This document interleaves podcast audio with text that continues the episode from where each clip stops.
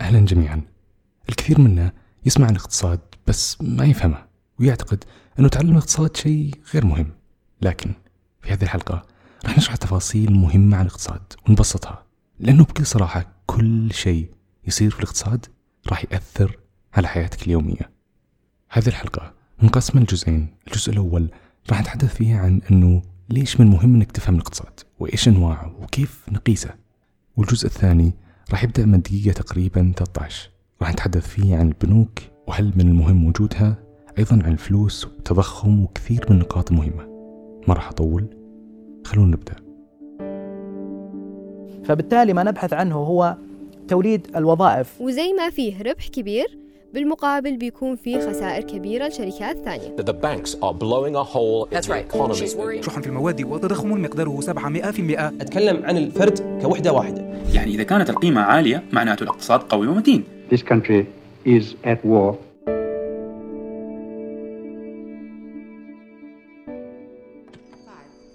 لما تفتح التلفزيون أو الراديو أو حتى لما تتصفح الإنترنت بالجوال اللي بيدك تلاقي نفسك قاعد تقرأ وتسمع معلومات مختلفة عن الأخبار اليومية والتغيرات في الاقتصاد. 50% بدءا من الشهر الجاري ليصبح الحد الأدنى للرواتب سبعة غالبا هالأشياء ما تشد إلا المختصين والفاهمين بهالمجال لأن المصطلحات اللي يستخدمونها تكون معقدة وكبيرة. هالمصطلحات المعقدة كثير مننا يتجاهلها ويقول يبي يترك الموضوع للمختصين.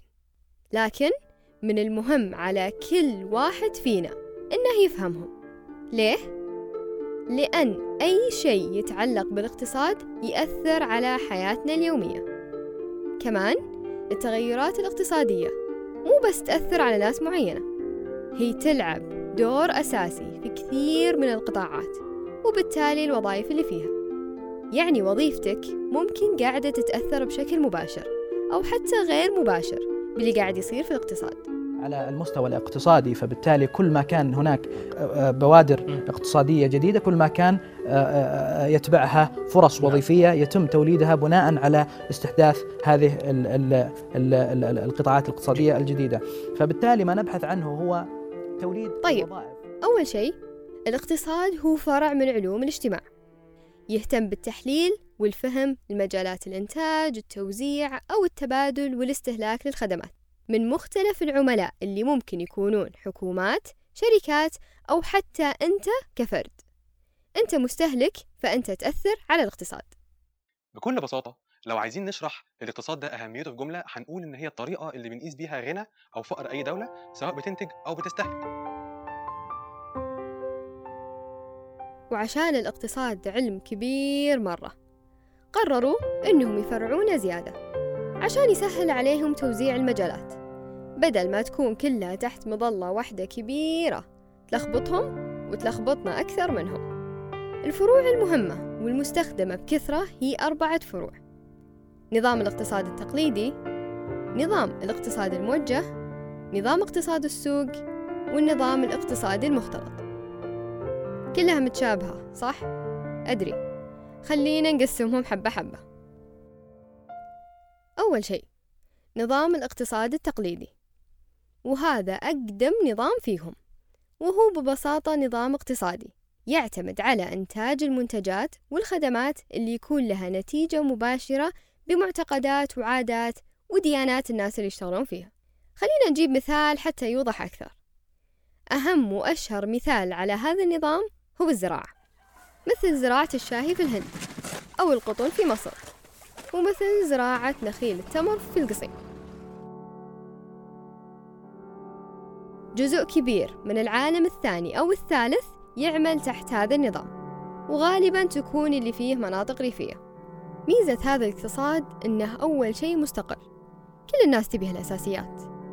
والميزة الثانية إن أعضاء نظام الاقتصاد التقليدي يكونون متماسكين بحكم إن اللي جمعهم في البداية هو شيء من خيرات أرضهم ومرتبط بتقاليدهم وعاداتهم. بالمقابل من عيوبه إنه ما عنده المميزات والأرباح العالية اللي تتمتع فيها نظم الاقتصاد الأخرى. يعني مهما عملت في هذا الاقتصاد ربحك بيكون قليل مقارنة بالمجالات الثانية. ثانيا نظام الاقتصاد الموجه. شفتوا النظام التقليدي اللي قلناه قبل شوي؟ لما يتطور ويخطو خطوة واحدة للأمام يصير نظام اقتصادي موجه. هذا ما يعني أنه نظام أعدل من التقليدي أو أحسن منه. لا لأن زي ما فيه مميزات فيه عيوب أكثر. طبعا وش الفرق بينه وبين النظام التقليدي؟ الفرق إن هذا يتحكم فيه سلطة مركزية. غالبا ما تكون حكومة واحدة تتحكم بإنتاج وتصدير المنتج على حسب الحاجة. يعني مثلا نفرض أن حكومة معينة مسكت الإنتاج والتصدير لدولتها فصارت تقول لهم انتجوا قمح ورز وقطن وملابس. بعد فترة الدولة هذه هوجمت من دولة ثانية. I have to tell you now that no such undertaking has been received and that consequently this country is at war with Germany. فتقوم الأولى توقف إنتاج الملابس مثلا. لأنها شيء مو أساسي وتوجه ميزانيتها كلها لصناعة الأسلحة. يعني الحكومة هي اللي متحكمة بالاقتصاد بدل ما يكون بيد شركات خارجية أو خاصة. الميزة بهذا النظام إن أسعار المنتجات غالبا تكون معقولة لأنها من وإلى الشعب نفسهم ويخلق كثير من الوظائف الثابتة لأن الحكومة تشتغل زي ما يشتغل أي سوق تبي تنمو تبي تكبر. طبعا العيوب إنها غالبا الحكومات اللي كذا تكون تبي تسيطر على الموارد القيمة بس وتخلي الباقي للناس إنهم يديرونه. ثالثا نظام اقتصاد السوق. هذا النظام مشابه بشكل كبير للسوق الحرة. يعني الحكومة ما لها أي سيطرة فيه على الموارد المهمة والرئيسية في البلد. فيكون الاقتصاد وتحديد المتطلبات الضرورية بيد الناس نفسهم. ويعتمد على العرض والطلب بشكل أساسي. وبنلاقي إن الاقتصاد اقتصاد السوق الحر بيستمد أفكاره من المدرسة الكلاسيكية لآدم سميث اللي كان بينادي فيها إن الحكومة ما ينفعش تتدخل في أي حاجة في الاقتصاد. ومن خصائص السوق الحر إن المنتج المستهلك المستثمر أو المدخر هم الوحيدين القادرين على التدخل في الأنشطة الاقتصادية والقادرين على تغيير أي حاجة جوه الاقتصاد. هذا النوع يدار بمفهوم الرأسمالية. وش هي الرأسمالية بعد؟ الرأسمالية اللي هي لما يكون الاقتصاد قائم بشكل كامل على القطاع الخاص والحكومة ما تتدخل فيه أبدا. طبعا فيه استثناءات. مثلا أمريكا دولة رأسمالية بس بنفس الوقت الحكومة تدخلت وحطت نظام التجارة العادلة والاحتكارات الخاصة. طيب نرجع لنظامنا. ميزة نظام اقتصاد السوق إنها الأسعار فيه ترتفع وتنزل حسب الطلب والعرض. يعني فيه هامش ربحي كبير جدا. وزي ما فيه ربح كبير بالمقابل بيكون فيه خسائر كبيرة لشركات ثانية. وهذا عيب من عيوب النظام هذا. العيب الثاني إنه يشجع الطبقيات. يعني الأغنياء يمسكون شركات والفقراء هم اللي يشتغلون فيها. رابعا وأخيرا النظام الاقتصادي المختلط. يسمونه بعد النظام المزدوج. وزي ما الاسم يوحي لكم هو مزيج بين نظامين. اللي هم اقتصاد السوق والاقتصاد الموجة. تذكرون مثالنا عن أمريكا أنها دولة رأسمالية؟ دولة رأسمالية عشان خلت القطاع الخاص يمسك الاقتصاد. وبنفس الوقت قلنا أنها تدخلت بأشياء معينة مثل فرض قانون التجارة العادلة وغيره. بالضبط هذا هو النظام المختلط يعني شغلتهم أنهم يخلون الناس يسوون اللي يبون ولما يشوفون شيء يحتاج تدخل يروحون ويحطون قانون عليه. We have spent a lot of time going through all these documents. And let me just explain in very simple terms what synthetic CDOs are. It's not assisting local governments in building infrastructure, it's gambling. بالإضافة لأنهم يتحكمون بمجالات رئيسية بالدولة بس غير الموارد والمنتجات اللي تأثر بشكل كبير على السوق يعني زي خدمة البريد والمواصلات والنقل والتعليم هذه تحت سيطرة الحكومة ليش؟ لأن فيها استفادة من الناس وتساعد على رفع مستوى معيشتهم. وهذا شيء بتستفيد منه الحكومة أكثر من القطاع الخاص. بالإضافة للأنظمة اللي ينقسم لها الاقتصاد كتطبيق فيه قسمين كبار ينقسم لها الاقتصاد كدراسة اللي هم الاقتصاد الكلي والاقتصاد الجزئي. حتى هذولي بنوضحهم حبة حبة. أول واحد الاقتصاد الكلي. من اسمه يركز على دراسة الاقتصاد ككل. يعني يدرس الصناعة بأكملها مو بس شركات محددة.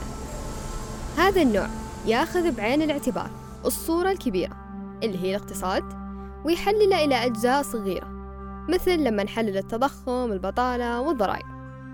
يعني لما تسمع مثلا إحصائيات عن معدلات البطالة في البلد أنت كذا قاعد تسمع عن الاقتصاد الكلي.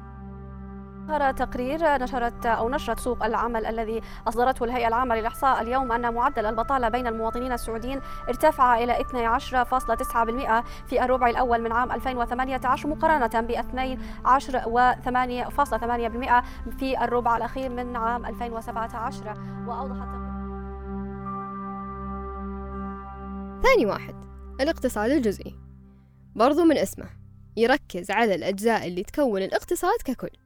يعني يركز على الشركات نفسها مو على الدولة أو تأثير الاقتصاد على المجتمع. يعني لو عندنا شركة تنتج كراتين تمر بيجي الاقتصاد الجزئي يقول لنا كيف ممكن نزيد إنتاج الكراتين هذه؟ بأقل التكاليف وعلى مين وزعها؟ ومين اللي بيها وأي وقت من السنة يكون عليه طلب أكثر. لما أتكلم عن الاقتصاد الجزئي أتكلم عن الفرد كوحدة واحدة. أتكلم عن الشركة كوحدة اقتصادية واحدة. لما نتكلم عن علاقة الفرد بالسوق في ال market. علاقة الشركة بال market.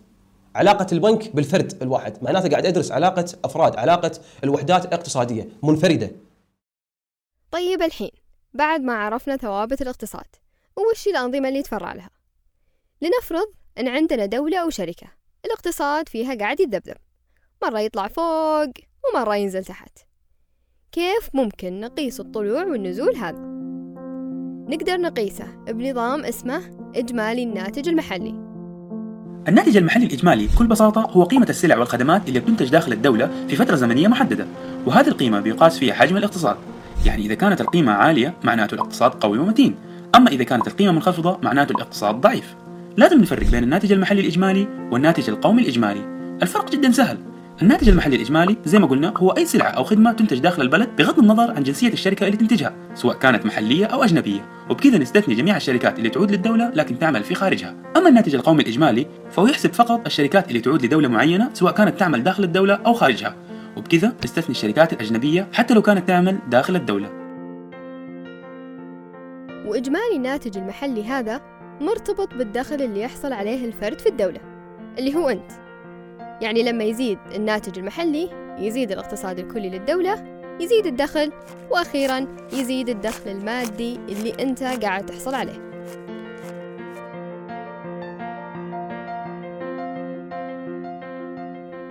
الآن وضحت نقاط كثيرة عن الاقتصاد وأنواعه وكيف أن أي شيء يؤثر على الاقتصاد كمان راح يأثر على حياتك اليومية. الحين راح نتحدث عن البنوك وإيش سبب وجودها وكمان عن الفلوس. وكيف ورق النقود اللي في جيبك الآن له قيمة؟ وليش؟ ما نطبع فلوس قد ما نبي. مو هذا راح يخلينا أغنياء وكثير من التساؤلات لما نتكلم عن الاقتصاد لازم نتكلم عن الفلوس.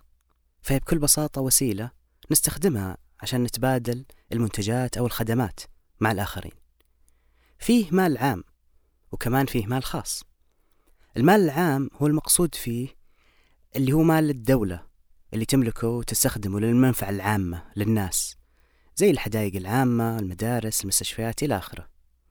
أما المال الخاص هو المال اللي تملكه مجموعة سواء كانت شركة خاصة أو مؤسسة غير حكومية أو حتى الفرد اللي هو أنت مثلا واللي لك الحق الكامل فيه. أي ورقة نقدية أو عملة لازم تحتوي على ثلاث خصائص وإلا راح تكون مجرد ورقة ما لها أي قيمة. الخاصية الأولى إنها تكون وسيلة تبادل يعني إنه تقدر تستخدم هذه الورقة اللي هي الفلوس عشان تتبادل السلع والخدمات مع الغير زي ما قلنا سابقا. ثانيا تكون وحدة قياس بمعنى أنه نستخدم هذه العملة عشان نقيس القيمة السوقية للسلعة والخدمات وغيرها من المعاملات. ثالثا وأخيرا إنها تكون مخزن للقيمة. بمعنى أنه في حال ادخارها والمحافظة عليها هذه النقود تقدر تحافظ على قيمتها حتى بمرور الوقت. فمو فجأة تصير مجرد ورقة ما لها أي أهمية.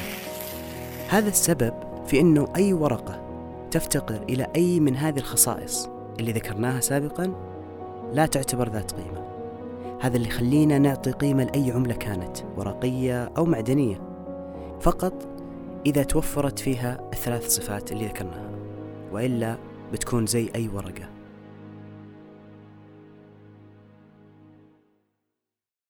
الحين إحنا عرفنا ليش العملة أو الورق اللي نسميه فلوس له قيمة. لكن السؤال المهم الحين هو إنه كيف بدأنا نستعمل هذا الورق النقدي من الأساس؟ لأنه في الماضي ترى ما كان في فلوس زي الحين. في التجارة في شيء اسمه المقايضة. أو ما يعرف ب barter system. وهو نظام تبادل بحيث أنه يتبادل التجار سلعهم أو الخدمات اللي عندهم في صفقة مباشرة بحيث تكون السلعة هي نفسها الثمن بدون استخدام أي وسيلة للتبادل أو المال يعني. مثلا يجي واحد عند الثاني ويقول له أبعطيك هذا الفاس إذا ساعدتني بقتل هذا الجاموس.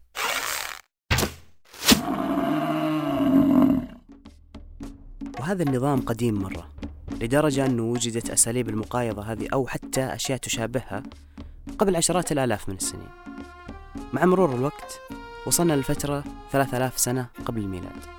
فالعديد في هذه الفترة من الثقافات في جميع أنحاء العالم طور نظام أحدث وهو استخدام وسيط بدل المبادلة عن طريق السلع نفسها. وهذا الوسيط نسميه العملة النقدية طبعا وهو يحتوي على قيمة قيمته هي من المادة المصنوع منها هذا الشيء. من أمثلة هذا النوع من المال اللي قيمته الجوهرية تجي من المادة المصنوعة منه تشمل الذهب الفضة النحاس الملح الفلفل الشاي حتى بعض الأحجار. في أحجار تسمى الراي. كل هذه تعتبر وسائط لتبادل السلع وقيمتها من داخلها بذاتها عند المجتمعات في العالم القديم.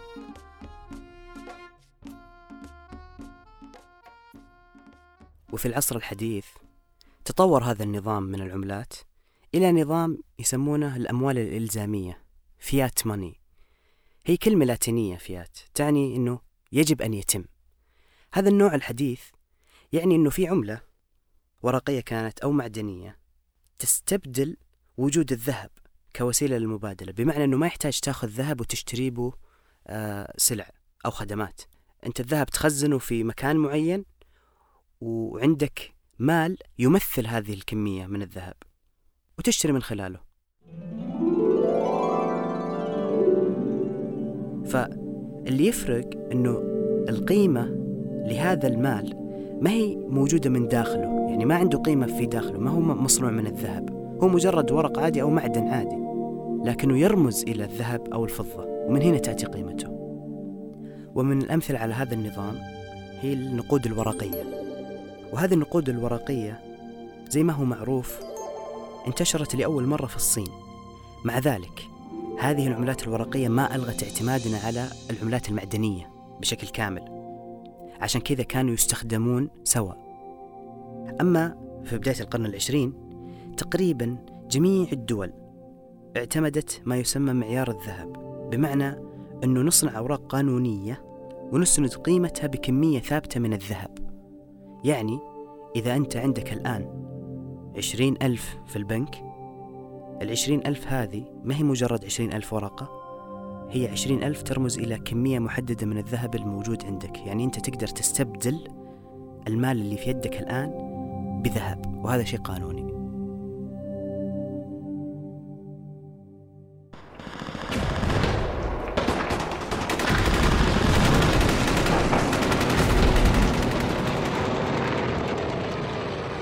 بعد الحرب العالمية الثانية تبنت معظم الدول أنه يكون عملاتها الورقية مربوطة بالدولار الأمريكي خصوصا بعد انتصار الولايات المتحدة الأمريكية في الحرب العالمية الثانية. وهذا استمر إلى فترة حرب الفيتنام لما استنزفت طاقات الأمريكان بحيث أنه كانوا يحتاجون إلى تمويل كثير فاضطروا إلى فك الارتباط بالذهب عشان يقدرون يطبعون أوراق زيادة ويحصلون أموال زيادة. هذا الشيء خلى العديد من الدول تفك عملاتها عن الارتباط بالدولار الأمريكي. والآن معظم عملات العالم غير مرخصة أو مربوطة بشيء ذا قيمة.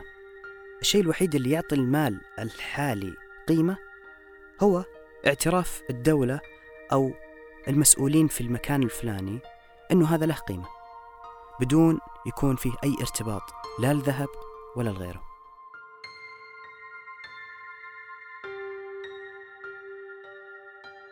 that the banks are blowing a hole That's in the right. economy. She's worried. The best operating environment for the banks that we've seen in many Well, I'll tell you, look at all the banks. They haven't performed in the best environment. So now you're going to. تطورت البنوك بمعناها الحديث في القرن الرابع عشر خصوصا في مدن النهضة الإيطالية المزدهرة زي فلورنسا وأول بنك تم تأسيسه في عام 1407 في جنوة في إيطاليا البنوك ما وجدت من فراغ يعني أكيد منها فائدة هل أحد فكر فيها؟ أولا أنت وين تخزن أموالك؟ أموالك مو كلها معك في يدك الآن خصوصا في العصر الحديث. البنوك هي اللي تخزنها. إذا احتجت مال طارئ وما عندك تقدر تقترض من البنك. البنك أصلا قاعد يصنع المال خصوصا ما يسمى بالبنك المركزي. كل هذه وظائف للبنوك. لكن صحيح إنه ممكن نعتبر البنك بيت آمن لفلوسك؟ لكن مع ذلك هذا البيت الآمن قد يتعرض للمخاطر. من ضمن المخاطر إنه لما يقرض البنك المستفيدين ممكن ما يقدرون هذول الأشخاص اللي يدينون للبنك إنه يسددون له.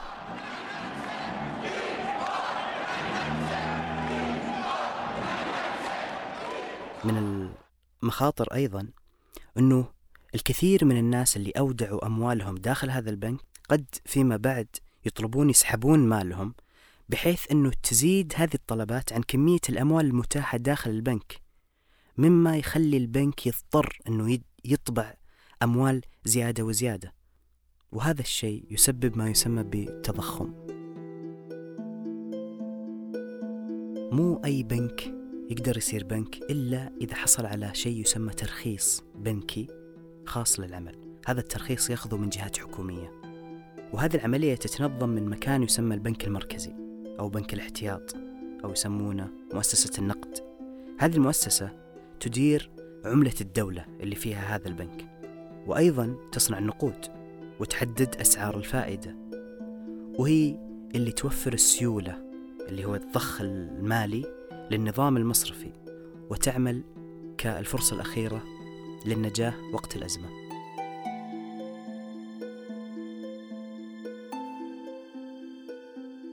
فك الارتباط من الذهب صنع عندنا مشكلة كبيرة جدا وهي اللي نسميها التضخم.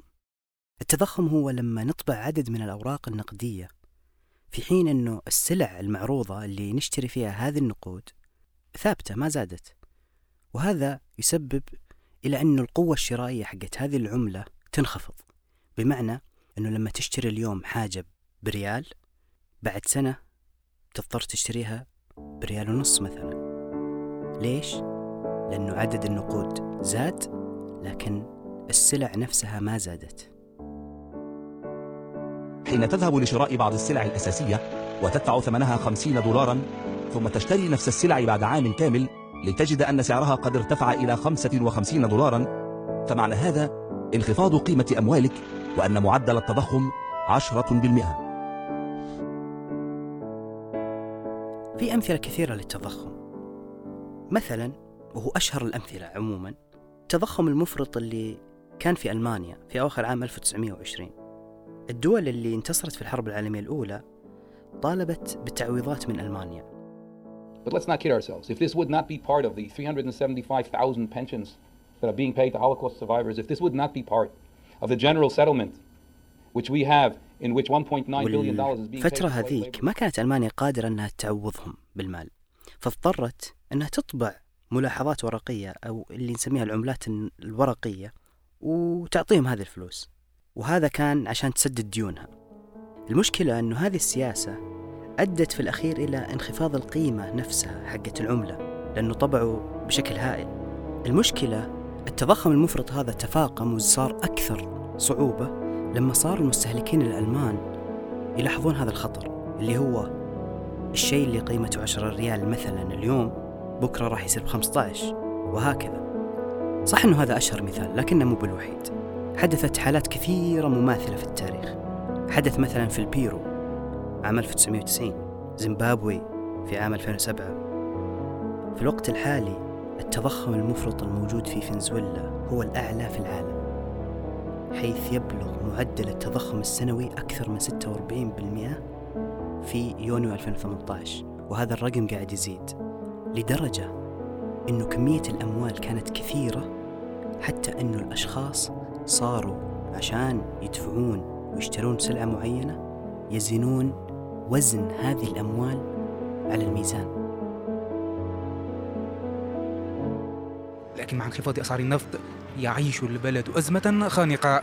لا دقيق لا سكر وفي أحسن الأحوال مواد بديلة لكن أسعارها باهظة كهذا المنتج الذي يساوي سعره نصف الدخل الشهري المتوسط في فنزويلا. شح في المواد وتضخم مقداره 700% ما يثقل كاهل المواطن العادي. كما هو الحال مع إيدا التي تحرس هذا البيت في غياب ملكه. في كثير من التفاصيل المتعلقة في الاقتصاد. فنشرناها على هيئة مقالات تصاميم مرئية وكمان مقاطع فيديو ترجمناها للعربية. تلقونها كلها على حسابنا على تويتر وكمان موقع محتوايز راح نضعهم كلهم في الرابط في قسم الوصف في الأسفل. تم تسجيل هذه الحلقة من قبل فتون السامي ومحمد العمري. وكمان في أشخاص ساعدوا في إعداد المحتوى والتأكد من صحته وهم ريم الفارس وسارة خميس كان معكم خالد قنيعه